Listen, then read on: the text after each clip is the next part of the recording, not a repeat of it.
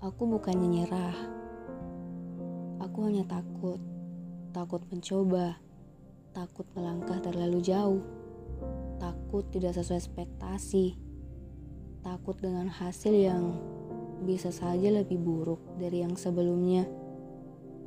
Seperti biasa, rasa takut selalu mendominasi. Berperan penting di sisi kelemahan hingga pada akhirnya lagi-lagi terjebak di zona nyaman, melelahkan. Yang rencananya hanya bersinggah untuk rehat dari segala penat sebentar, berakhir rehat dalam jangka waktu yang lama. Lagi-lagi rasa takut mendominasi. Khawatir, semua orang sudah terlalu jauh.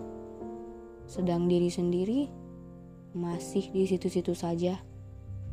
Lagi-lagi terjebak, terhambat.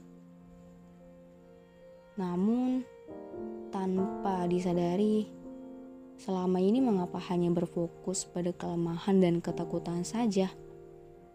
Bukannya lebih fokus pada pengembangan kelebihan itu lebih baik untuk mengalahkan rasa takut.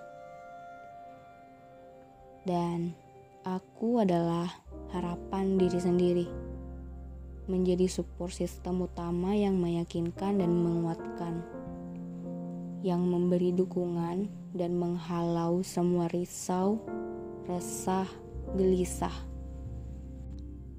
Aku adalah si pemeran utama yang harusnya mengalahkan si pemeran antagonis alias si rasa takut itu kembali memulai yang sempat tertunda, melancarkan aksi yang ingin dijalankan, yang katanya ketinggalan, dapat mengejar dan menyejajarkan langkah demi langkah. Aku kembali mencoba melawan rasa takut dan memperbaiki yang sempat kusut.